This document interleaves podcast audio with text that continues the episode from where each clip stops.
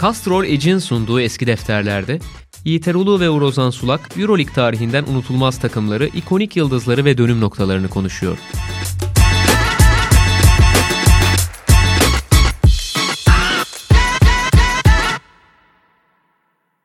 Sokrates'ten merhaba. Castroleg'in sunumuyla eski defterlerin yeni bölümünde karşınızdayız. Avrupa basketbolu tarihinden farklı farklı hikayeleri anlatmaya çalışmaya devam ediyoruz ve bugün de Yiğit Erulu'la birlikte e, Maccabi Tel Aviv'i, e, Maccabi'nin işte İsrail halkı için, Avrupa basketbolu için ne ifade ettiğini konuşmaya çalışacağız. Tabii çok uzun bir döneme yayılan e, bir takım Maccabi. Yani işte 70'lerde başlayan bizim bildiğimiz dönemi var ama yani 2014'teki şampiyonluk her ne kadar sürpriz olsa da ve oradan sonra da bir iniş söylense de yani iniş ortada olsa da Makabi'nin her daim Avrupa'daki süper güçlerden biri olduğu aşikar. Yani en kötü dönem, döneminde bile salonuna işte eski adıyla Yad Eliyahu'ya 15 bin kişiyi toplayabilen bütün ulusun peşinden gittiği bir takım ki benzer durumu işte Jagiris Litvanya, işte CSK Rusya için konuşmuştuk. Yani ülkeyi kenetleyen tarzda olgulardan, kulüplerden biri Makabi'de.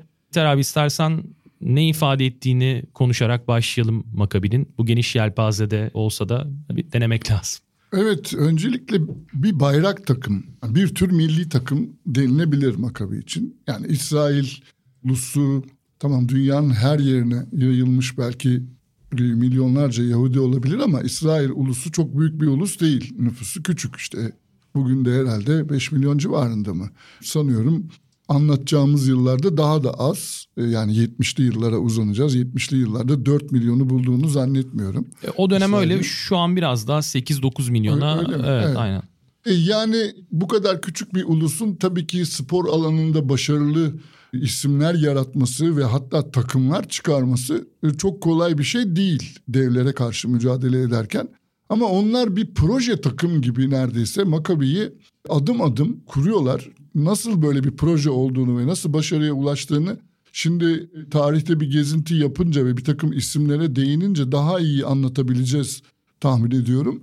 Çünkü aslında her şey 1960'ların ortasında Tal Brody ismiyle başlıyor. Yani Tal Brody ismi belki bugünkü basketbol severlere ve dinleyenlerimize çok bir şey ifade etmeyebilir ama Tal Brody Amerika'da New Jersey'li Yahudi bir ailenin çocuğu olarak yetişmiş ve 1960'lı yıllarda kolej basketbolunda isminden çok söz ettiren bir oyuncu. Çünkü çok çabuk bir guard. 1.85, 1.86 boylarında ama oyuna müthiş tempo getiren hızlı düşünen, hızlı karar veren ve çabuk oynamayı seven bir oyuncu. Ve New Jersey'den çıkıp Illinois Üniversitesi'nde burs alıyor ve Big Ten'de de her zaman hatırı sayılır bir şöhrete erişiyor. Bunun neticesinde de 12. sıradan NBA'in ilk draftının, NBA draftın ilk turunda 12. sıradan seçiliyor ve dolayısıyla NBA'de bir kariyeri olmasına kesin gözüyle bakılıyor. Washington seçiyor onu. Evet.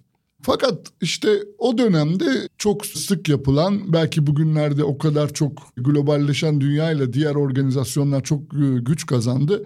Belki bugün artık bir festival havasına bürünmüştür ama o dönemde çok önemli olan özellikle Musevi toplumunda makabiyat oyunları var. Yani dünyanın her tarafından Musevi gençlerini toplayıp İsrail'de her spor branşında yarıştırıyorlar ve birbirlerini tanımalarını da sağlıyorlar. İşte 1965'te Amerika'dan gelen kadroda, Amerika'dan gelen basketbol takımında Tal Brody de var.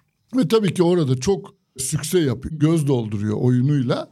Ve o zaman İsrail'in ki İsrail tarihindeki en önemli politikacılardan biridir Moshe Dayan. Fakat o günlerde Moshe Dayan Dışişleri Bakanı değil de Eğitim, Gençlik ve Spor Bakanı. Moshe Dayan'ı da belki genç kuşaklar şöyle belki bir yerden ismini duymuş olabilirler tek gözünü kapatan evet, yani sol bir, gözü. Sol, e, sol gözü kapalı olan bir politikacıydı yani o şekilde tanınırdı. İmajı da buydu. Başka politikacılarla onu karıştırmaya imkan ihtimal yoktu. O nedenle Moshe Dayan eğitim bakanı olarak Talbro diye bir öneride bulunuyor. Diyor ki sen Amerika kariyerini boş ver. Gel İsrail vatandaşı ol. Burada bir basketbol ateşi yakalım beraber. Sen bu ülkenin gençlerinin idolü olursun. Bizi başarıya taşı ve buradaki gençlerin de eğitilmesini basketbolda çok iyi olmalarını sağla. Şimdi bugünün dünyasında böyle bir şey bilmiyorum yani, ama kim kabul ederdi teklif yani. Teklif bile gitmez bence. Yani, yani NBA'de milyon dolarlar varken kalkıp İsrail'de ne olacağı, sonunun ne olacağı belli olmayan bir macera gibi gözüküyor. Fakat işte Talbrodi'nin demek ki hani milliyetçi duyguları ve o topraklara dönüş arzusu ne ağır kadar basmış. ağır basmış ki bu teklifi kabul ediyor. NBA kariyerini bir kenara bırakıyor ve 1966'da Maccabi ile kontrat imzalayıp İsrail'e geliyor. Yani zaten işte Musevi kökleri dolayısıyla vatandaşlık almasında herhangi bir sorun yok. Çok çabuk adapte oluyor çünkü dil de biliyor. Yani oraya adapte olmasında hiçbir sıkıntı yok. Ve Talbrodi'nin önderliğinde Makabi takımı yavaş yavaş kıpırdanmaya başlıyor. 60'lı yılların ortaları bunlar ama henüz uluslararası bir başarıdan bahsedemeyiz. Yalnız gene burada bir parantez açalım. Talbrodi'nin nasıl bir karakter olduğunu ortaya koyması bakımından şimdi kariyerine baktığınız zaman 68-69 yıllarında ikisi de Amerikan ordusuna katılıp Vietnam'da savaşmaya gittiğini görüyoruz. Yani tekrar Amerika'ya geri dönüyor. Amerikan ordusuna yazılıyor ve Vietnam'a savaşmaya gidiyor. Basketbolu bırakıyor. İsrail'i de bırakıyor. Vietnam'dan dönüyor. Tahmin ediyorum yani bunun detayları pek fazla yazılıp çizilmiyor tabii spor sayfalarında ama tahmin ediyorum müthiş bir savaş deneyimi var. Yani gerillalara karşı düzenli ordunun nasıl savaştığı konusunda herhalde birkaç kitap yazabilecek şeyler yaşamış. Dolayısıyla İsrail'in o dönemde Arap-İsrail Savaşı'nda ve Filistinli gerillalarla kendi ordularını karşı karşıya getiren bütün çatışmalarda hani Talbrodi'nin ya da onun gibilerin, onun gibi subayların deneyimine müthiş ihtiyacı var. Yani 60'larda zaten Moshe Dayan'ın ünlü olduğu birçok savaşta aslında yani hep şey işte 6 gün savaşı, yıpratma savaşı, Yom Kippur, Yom Kippur, Yom Kippur. biraz daha sonra tabii 70'lerin evet. ilk yarısında ama hani hepsinde işte Talbrodi ile olan o hukukunun e, çok ilginç bir şekilde yani basketbolla başlayıp aslında savaş sahasında da devam etmesi ortada yani ettiği ortada. Yani devşirdikleri bir basketbol oyuncusu mu yoksa askeri bir deha mı askeri bir tecrübe mi orası biraz tartışmalı gözüküyor bugünden bakınca. Ve yani Vietnam Savaşı'ndan sonra da 70'te Dünya Şampiyonası'nda Amerika Milli Takımı'nın formasını giydiğini hatırlatalım. Yani Tal Brody Amerika Milli Takımı'nda oynuyor. Sonrasında işte yine Moshe Dayan'ın isteğiyle tekrar İsrail'e dönüyor. Yani Vietnam Savaşı'nın sonrasında hala Amerikalı Amerika'yı temsil eden bir basketbolcu. Evet e, yani hem Amerikalı hem İsrailli bu iki kimlik iç içe geçmiş bir şekilde Talbrodi'de vücut buluyor diyebiliriz. 70 ile 73 arasında gene Orta Doğu'da işler çok kızışmışken yani her köşesi ateş hattıyken adeta o sırada Talbrodi İsrail ordusunda değişik rütbelerde gene askeri görevlerini sürdürüyor. Ve basketbolla tahmin ediyorum hiçbir ilgisi yok. Yani belki arkadaşlarıyla 3'e 3 tek pota oynuyordur. Fırsat bulabildiği zamanlarda ama düzenli bir basketbolla ilgisi yok. Ve yani yaşı da ilerliyor böylece. Şimdi böyle bir adam 73'ten sonra tekrar basketbol sahalarına geri dönüyor.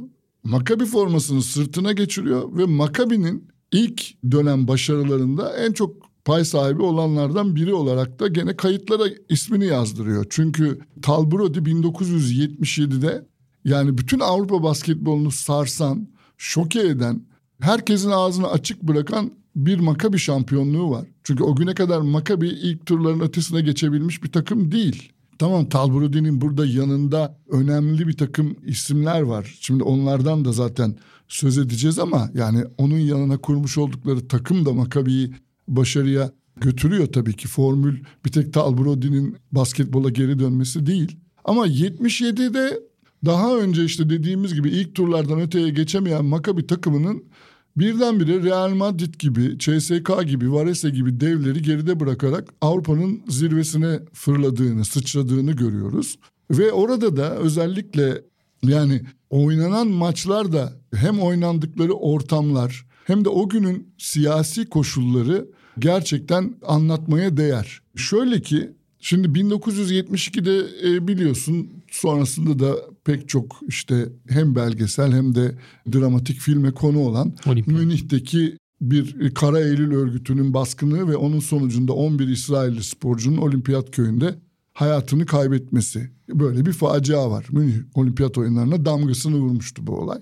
Ve o faciayla belki Münih'te başka ne oldu diye sorsanız spor severlere yani bir Mark Spitz'in madalyalarını sayarlar. Yani uzun yıllar kırılamadı çünkü o rekorlar. Belki bir de sonra Sovyetler Birliği'nin basketbolda Amerikan milli takımını yenerek Amerika'ya olimpiyatlarda ilk mağlubiyeti tattırması ve elinden altın madalyayı alması söylenir. Yani Sovyetler Birliği ile Amerika iki kutuplu dünyada soğuk savaş bütün şiddetiyle devam ederken basketbol sahasında bir madalya için, altın madalya için karşı karşıya geldiler. Belki de ilk kez Amerika çok büyük favori değildi ama Amerika oraya gelene kadar da olimpiyatlarda oynamış olduğu bütün maçları kazanmıştı basketbol sahasında. Dolayısıyla 72 Münih olimpiyatları İsrailliler için tabii ki çok korkunç, kara bir sayfa. Hem spor tarihlerinde hem siyaseten acıyla andıkları bir olimpiyat oyunu.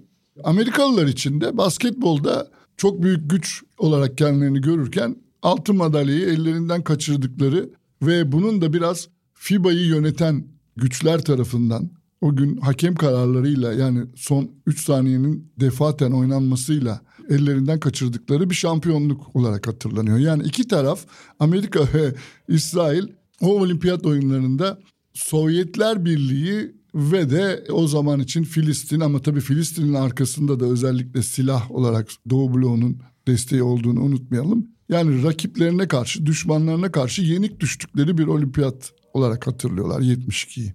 Ve tabii üzerinden sadece 5 sene geçmiş.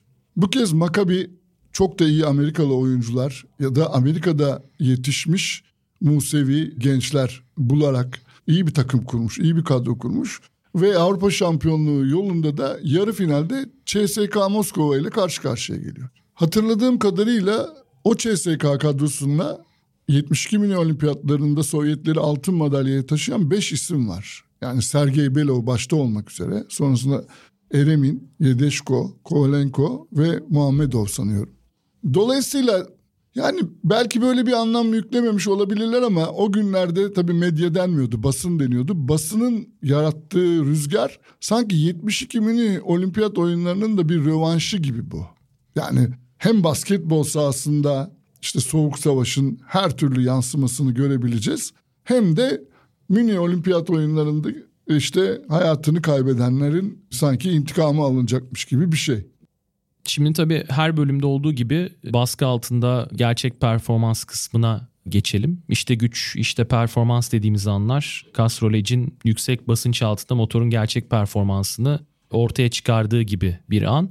Şimdi 2014 şampiyonluğu elbette e, çok sürpriz bir şampiyonluk. İşte yine baskı altında uyarlanabilecek bir şampiyonluk ama hani 70'lerden başladığımız bir hikayede 76-77 sezonunda işte yani bir Sovyet takımına karşı CSK'ya karşı Belçika'da oynanan maçta Makabi'nin aldığı sonucu ve hani oradaki ortamı biraz detaylandırmamak olmaz ki zaten akışta da yani girizgahı hep oradan yaptık. İstersen abi o maçı konuşalım. Virton'da oynanan mücadele acayip bir ortam. ortam acayip bir salon. Makabi'nin ev sahibi statüsünde oynadığı bir maç. Çünkü e, zaten ambargo var iki ülkenin karşılıklı olarak CSK vize vermiyor.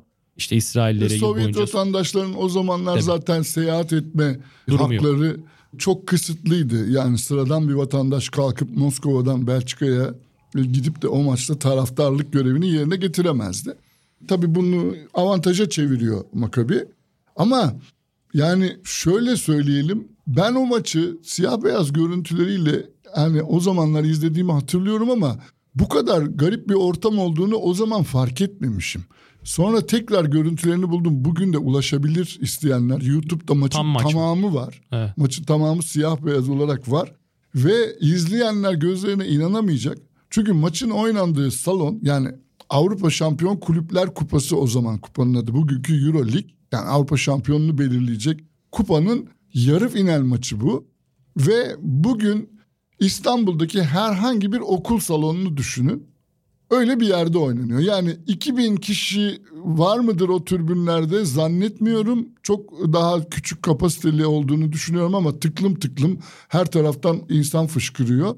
Böyle bir salonda oynanıyor Belçika'da bir kasabada. Balonya'da aynen. Evet. Ve yani neden orası seçildi? Bir, bir de bu arada o maçtan önce de Real Madrid'i ve Bruno'yu yenerek geliyor yani Maccabi. Bu, bu maçı da kazanınca artık finale gidecek. Dolayısıyla başka maçlar da oynanmış yani o salonda tek maç değil. Ve salonda zemin parke değil. Bugünkü voleybol maçlarının oynandığı Taraflex dediğimiz cinsten böyle bir maddeyle kaplı. Ve üzerinde her türlü çizgi var. Yani tenis kortu var. Handbol sahası var. Voleybol sahası var. Basketbol sahası var. Bütün bunlar değişik renkte çizgilerle belirlenmiş ve basketbolcular kafaları karışmadan rakip potaya gitmeye çalışıyorlar. Tabii o zaman üçlük yok. Tabii o zaman iki hakemle yönetiliyor maçlar. Tabii o zaman sahanın her tarafından ya da türbünlerin her tarafından görülen skorboardlar yok. Skorboard bir tarafta tek tarafta olabilir. Zaten potaların arkası duvar. Yani bugüne göre inanılmayacak kadar ilkel koşullar var. Ve bu dediğimiz 45 yıl önce oluyor. Aşağı yukarı yarım yüzyıl diyelim. Yani yarım yüzyıl önce Avrupa basketbolunun durumu buymuş aslında. CSK çok ağır favori ve bu sanıyorum basketbol tarihinin görüp görebileceği en büyük Davut ve Calut hikayelerinden bir tanesi. Yani Makabi diye daha önce adını kimsenin bilmediği bir takımın CSK'yı o gün yenme ihtimaline yani önce Real Madrid'i yendikleri için ufaktan belki bir sürpriz sinyali vermişler ama gene de kimse böyle bir ihtimali düşünmemiştir. Fakat şimdi gene maçı izleme şansı bulanlar fark edecektir. Şimdi çember, iki takım da bir kere ağırlıklı olarak maçın büyük bölümünde 2-1-2 zon yapıyor. Yani alan müdafası o zaman çok sık kullanılıyormuş. Ve Maccabi zonunun ortasında 2-8 boyunda bir pivot var. Olsi Peri. Şimdi Olsi Peri'nin hikayesi de başlı başına aslında ilginç bir hikaye.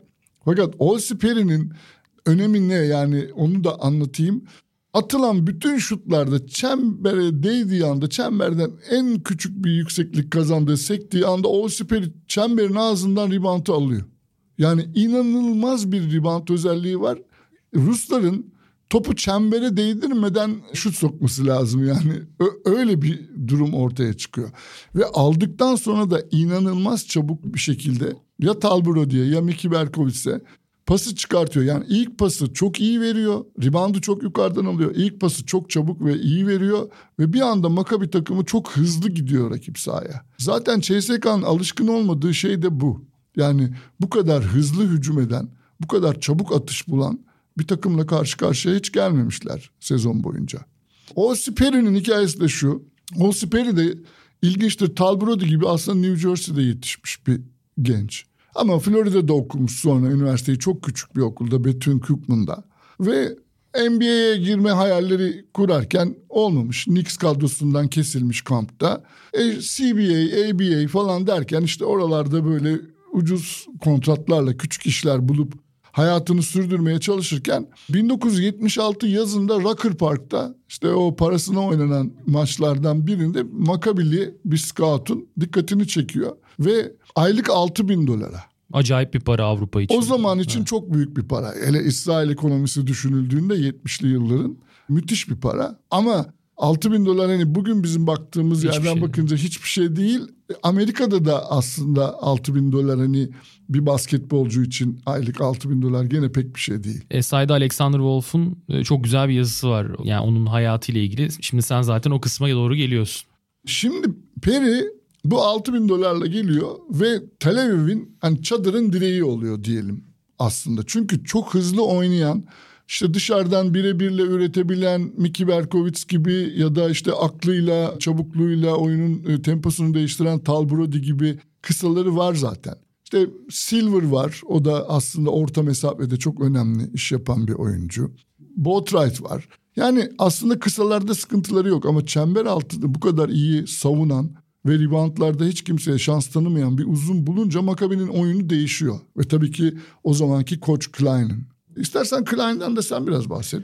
Yani Ralph Klein işte İsrail basketbol tarihinin tartışmasız hani en büyük koçu yani en başarılı koç tartışması da belki işte hani Pini Gershon ya da David Platt farklı perspektiften ön plana konabilir ama işte babasının Auschwitz'te katledilişi orada Raul Wallenberg çok önemli bir diplomat. İşte oradan zaten kurtarılışında kardeşlerinin ya da kuzenlerinin tam o kısmını hatırlamıyorum ama onun da bir kaçışı var e, kamptan, toplama kampından zaten. Oradan başlayan bir kariyer. Oyunculuğu zaten Makabi'de geçiyor 50'ler ve 60'larda. Ama esasen onu biz antrenör olarak tanıyoruz. Çünkü 77 takımının işte koçu. Aynı zamanda hem oyuncu olarak hem işte koç olarak İsrail Ligi'nde zaten sayısız şampiyonluğu var. Yani 19 şampiyonluk kazanmış koç ve oyuncu olarak toplamda böyle bir kariyer. E, Makabi'nin İsrail'deki gücüyle dominasyonuyla belki açıklayabilirsiniz ama yine de çok dikkat çekici.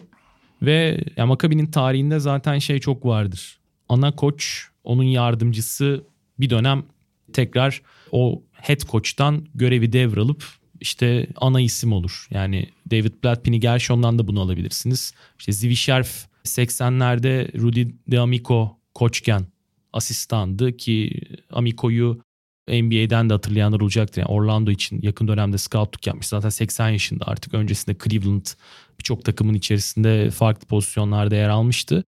Yani bu kültürü var İsrail basketbolunun özellikle hep içinden Maccabi'nin. çıkardığı evet, hep oyuncuları birileri. sonra koç olarak da çok iyi yerlere taşıyor. Ve Ralph Klein da zaten yani Mr. Basketbol denilen bir adam İsrail tarihinde. 2008'de hayatını kaybetmişti ki Macar vatandaşlığı da Macar kökeni de var. Kuşkusuz yani o dönemin en önemli figürlerinden biri ki Makabi tarihinde böyle isimlere gerçekten e, ihtimam çok fazla. Yani bugün herhangi biriyle konuşursanız İsrail'de basketbolla ilgilenen Ralph Klein'i anlatmaya başladığında yani çok büyük bir saygıyla zaten hep bahseder. Şu an devam eden, göreve devam eden birçok basketbol adamı için hani bu söylenebilir. Ee, ama 60'larda, 70'lerde ve 80'lerde ya öyle bir tempoda büyüyor ki İsrail basketbolu 90'lar ve 2000'lere geldiğinde özellikle işte 90'ların sonu ve 2000'lerin ilk yarısı hani Avrupa'nın bir numarası olan bir yapıdan bahsediyoruz ki biz bunu detaylandıracağız zaten. Ee, özellikle Makabi'nin geçmişte Yugoplastik'e yakın bir etki yarattığı 2000'lerin başındaki dönemini.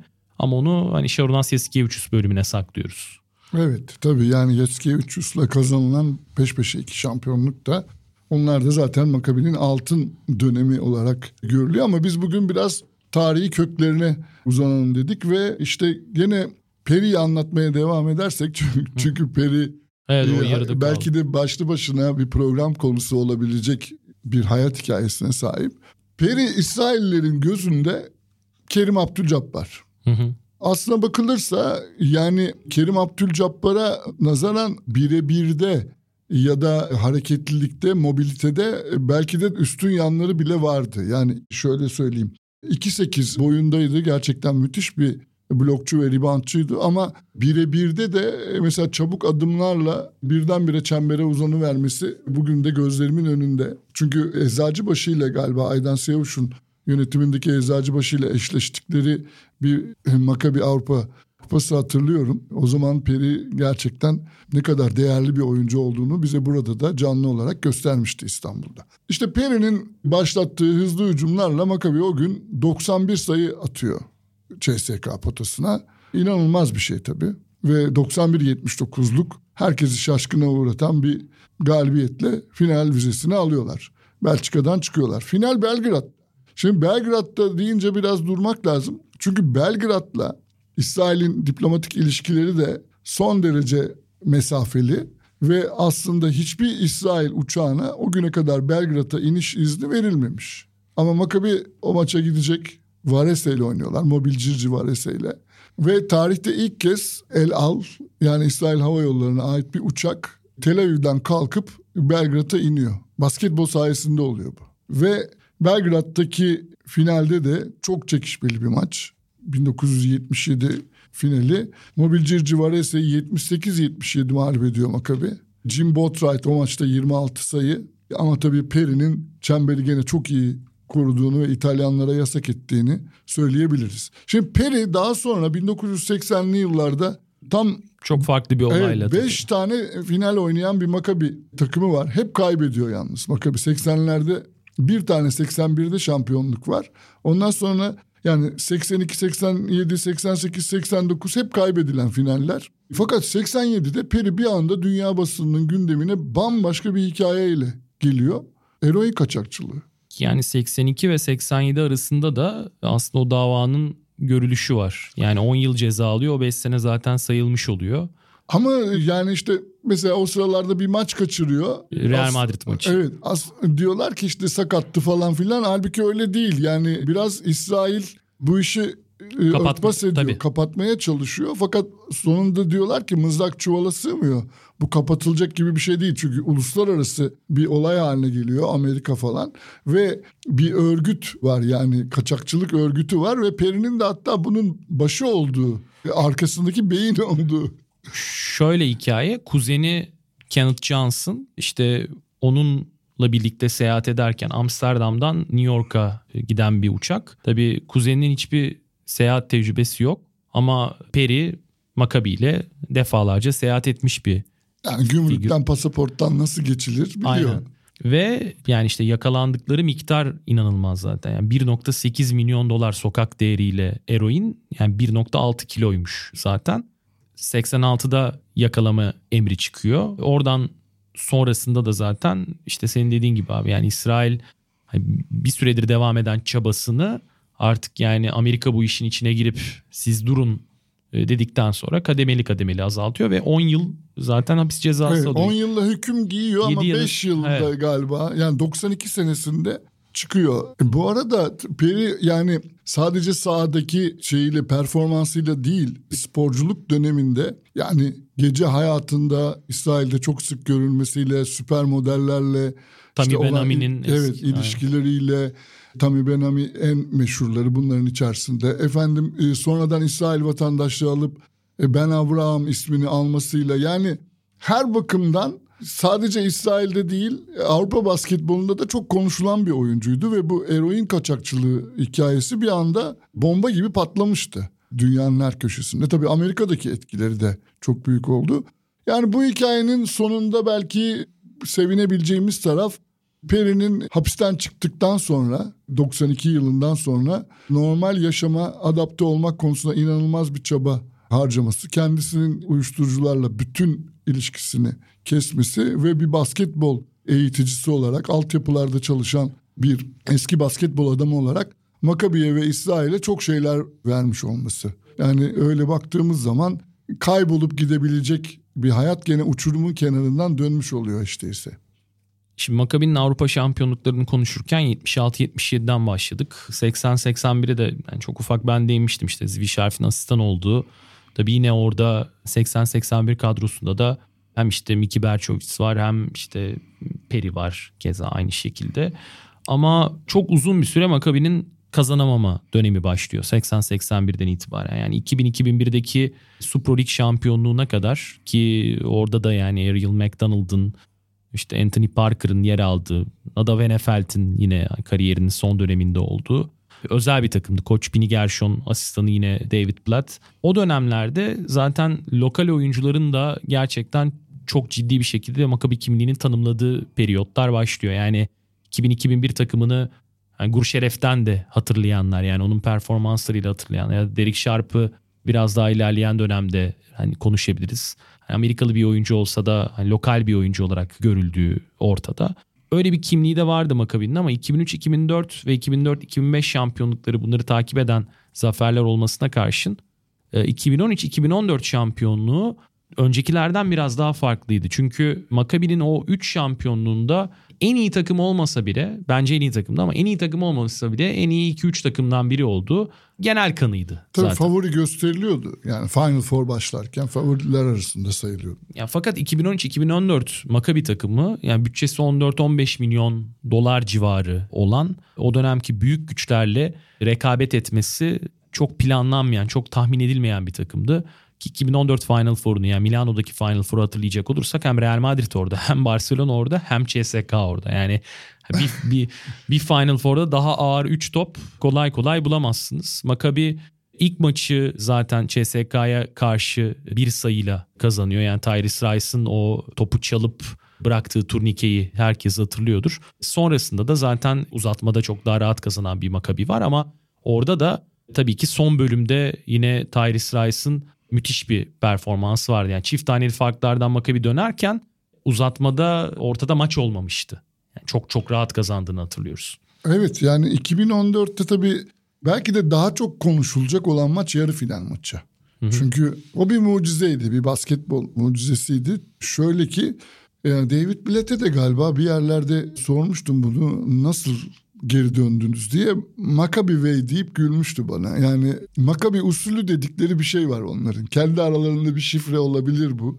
Oyuncuları bir yerden sonra serbest bırakıyorlar. Sanıyorum bu kadar geriye düşünce falan hani çalışılmış setler, paternler falan bir kenara bırakılıyor ve guardların yaratıcılığına kalıyor oyun. Belki de kaybedecek bir şey kalmadığı için. O maçta yani yarı finalde ha pardon önce yarı finale gelmeden aslında playoff'u da konuşmak lazım. Çünkü playoff'ta Milano ile eşleşmişti Maccabi. Yani Final Four Milano'da Armani Milano ile eşleşiyorsunuz sağ avantajı da gene Milano'da. Yani aslında Maccabi'nin Final Four'a gitmemesi için de her şey vardı, mevcuttu. Ki zaten yani ilk maçtan hani kopan demeyeceğim ama ilk maçtan Maccabi'ye mucizevi bir şekilde kayan bir seri olmuştu Milano'da. Ricky Hickman'ın işte harika oynadığı keza Tyrese Rice'ın da öyle. Orada uzatmada kazanıp e, e, serideki kontrolü almıştı Maccabi. Deplasmanda oynanan bir maç olduğu için. Oradan da Final Four'a giden bir hikaye. Maccabi'nin zaten işte 80'lerden sonraki dönemini konuşmuşken yani şunu da söyleyelim o geri dönüşler hep var Maccabi tarihinde. Üçüncü çeyrekte 15 sayılı önde CSK. 55-40. Ve sezonda hiç maç kaybetmemiş Maccabi'ye karşı. Yani evet. 2-0'la zaten geliyorsunuz oraya. Üçüncü maç bir Final Four maçı. 15'te öne geçiyorsunuz. Çok da size'lı bir takım. Yani Sasha Kaun ve Victor Hriapa zaten birlikte oynuyorlardı. Yani o takım da çok iyi bir takım. Sonny Williams var. Teodosic var galiba değil Hı-hı. mi? Yani Tabii. Messina koç CSK'nın başında. Ve yani... Kristic var. E, çok ağır favori olarak CSK zaten sahaya çıkıyor. Maç boyunca da ağır favoriliğini ispat edecek, kanıtlayacak bir oyun ortaya koyuyor. 55-40 önde. Üçüncü çeyreğin bitmesi çok az var. 55-45 bitiyor üçüncü çeyrek. Fakat son çeyrekte inanılmaz bir geri dönüş var. Bu geri dönüşe karşın gene aslında maçı görüntülerini bulup izleyebilirler. Şimdi 18 saniye kala 67-63 önde CSK. Yani iki top ve 18 saniye. David Blue o günün müthiş ismi. Yani attığı bütün üçlükleri sokan sanıyorum 6 üçlük isabetiyle bitiriyor maçı. 7'de 6 falan olabilir. Öyle. 5, 9'da 5. Öyle mi? Hı hı. O, zaman 5 5 üçlük birkaç tane de iki, ikilik sıkıştırmış demek ki ama David Blue 67 66 yapıyor. 13 saniye var. Gene top CSK'da. İşte orada maalesef yani Kriapa'ya çünkü çok üzülmüştüm ben o gün. Maçın iyilerindendi ama elinden kaçırıyor topu. Kenardan oyuna sokulan topu elinden biraz kaçırınca hemen Tyrese Rice çalıp anında şimşek gibi öbür potaya gitti ve bitirdi. Evet. O da zor bir turnikeydi aslında. CSK'nın yine maçı kazanma şansı vardı o basketten sonra. Sony Beş Wims, saniye var. Sony Wims, saniye var. Evet, Sony evet. Wims kaçırıyor atışı. Ama yani tabii öyle önde girip son bölüme işte David Blue bir tane üçlük sonrasında top kaybı sonrası Reis'in, Tyrese Rice'ın basketi derken psikolojik olarak zaten CSK çökmüştü ki bir yıl önce CSK'nın Olympiakos'ta çok kötü bir mağlubiyet aldığını favori çıktığı maçta hatırlamak gerekir. Zaten Messi'nin ikinci dönemi CSK'da o yüzden çok başarılı addedilmez. Yani Final Four'da evet CSK'nın olması doğal ama işte o iki sefer yani 2012'de Printezis'in basketiyle kaybeden Olympiakos, kazanan Olympiakos Koç Kazlauskas Evet. Messi'ne sonra evet İstanbul'da Messi'ne sonra geldi. O iki Final Four'da da sonuç alamayıp zaten NBA'ye gitmişti.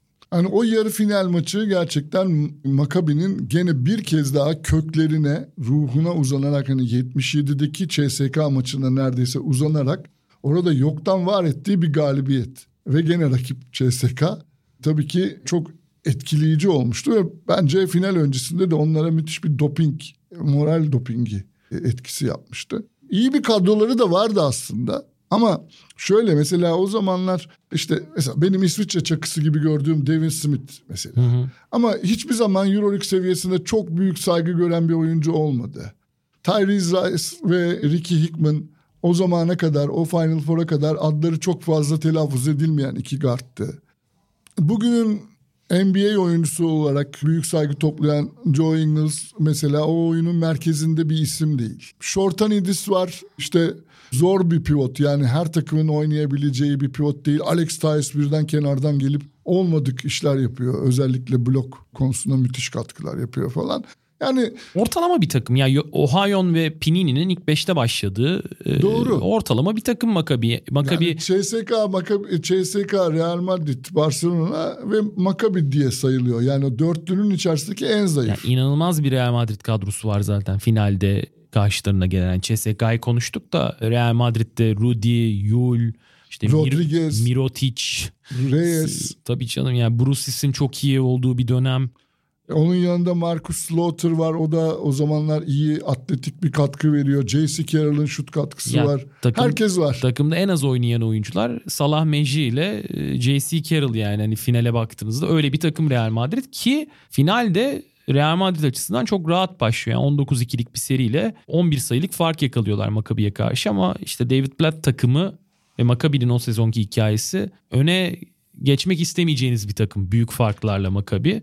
Ve oradan sonra da yani uzatmaya giden bir maç uzatmada çok rahat kazanmıştı e, Maccabi. Maccabi. tek yönlü bir maç olmuştu uzatmada ama hani normal süre aslında gene bir finale yakışır ölçüde çekişmeli son derece dalgalanan hatta gergin anları olan bir maçtı diye hatırlıyorum. Yo, işte ben, ben... 2014 e, gerçekten Makabi'nin bizim işte son şampiyonluğu artık o zaman o günden bugüne yok ama Avrupa basketbol tarihinden de unutulmaz Final Four'lardan unutulmaz şampiyonluklardan biri. Ya ben Final Four'daydım. 10, 13 ya da 14 bin kişilik bir salon orası. E, o dönem yani şu an kapasite galiba bir 1000-1500 civarı daha arttı. 10 bin Makabi taraftarı vardı finalde. E, gerçek yani hani sarı duvar hikayesini görebileceğiniz maçlardan biriydi ki işte 69 ya da 68'den beri uzatmaya giden ilk final. Uzatma periyodunda insanların beklentisi çok farklıydı. Yani rahat kazanma tabirini o yüzden kullandım ben. Yoksa uzatmaya giden bir maça rahat kazandı demezsiniz ama öyle bir uzatma oldu ki yani Real Madrid hiç ayağa kalkamadı. David Blue'nun da 2004'teki şampiyonlukta kadroda olduğunu hatırlatalım. Hem orada şampiyon oldu hem 10 yıl sonra ki arada çok dolaşmıştı var. Yani Ergin Ataman'ın Bologna takımında da vardı hatırlayanlar olacak. Ha, Blue Tental. Blue Tental olarak vardı. vardı. Aynen. Hatta şu o Maccabi kadrosuna şimdi bakınca şeyi de gördüm. Yani bizim ligimizde oynayan Sylvain Landesberg de o kadroda neredeyse evet. hiç sahaya adımını atmayan yedeklerden biri. Halbuki sonrasında çok iyi bir skorer oldu ama Abi, o, o kadroda yer bulamıyordu tabii. Yani Final Four'da ev sahibi olmayan takımlar arasında benim gördüğüm en acayip atmosfer olabilir. Yani o Milano'daki Maccabi kalabalığı Ohio'nun maç bittikten sonra yap, vurduğu smaçta acayip bir atmosfer olmuştu. Ama yani Maccabi'nin güçlü olması ya da Maccabi'nin iyi olması e, her zaman zaten Euroleague'in tercih ettiği bir şey. Çünkü Maccabi demek bilet demek. Maccabi demek atmosfer demek. Fenerbahçe de bence bunu yakın dönemde Final Four'da yakalı, hissettiren bir takım oldu. Çünkü yani deplasmana gitmek ya da seyahat eden taraftarı Avrupa'da olmak çok kolay değil. Bulduğu zaman Euroleague üstüne atlıyor. Evet üstüne atlıyor vazgeçmek istemiyor. Maccabi de işte bu sene playoff yaptı tekrar. Bakalım geri dönebilecekler mi? Kolay gözükmüyor. Ya Milan olacak rakip ya Real Madrid. Biz programı kaydettiğimiz bölümde durum bu şekilde. Ama bakalım her zaman Maccabi aynı Panathinaikos, işte Olympiakos, CSK gibi demirbaşlarından biri Avrupa'nın. Biz de bir kez daha eski 300 bölümde zaten döneceğiz bu kulübe. Castrol sunduğu eski defterlerin bu haftalık bölümünü noktalıyoruz. Yeni bir bölümde tekrar görüşmek dileğiyle. Şimdilik hoşçakalın.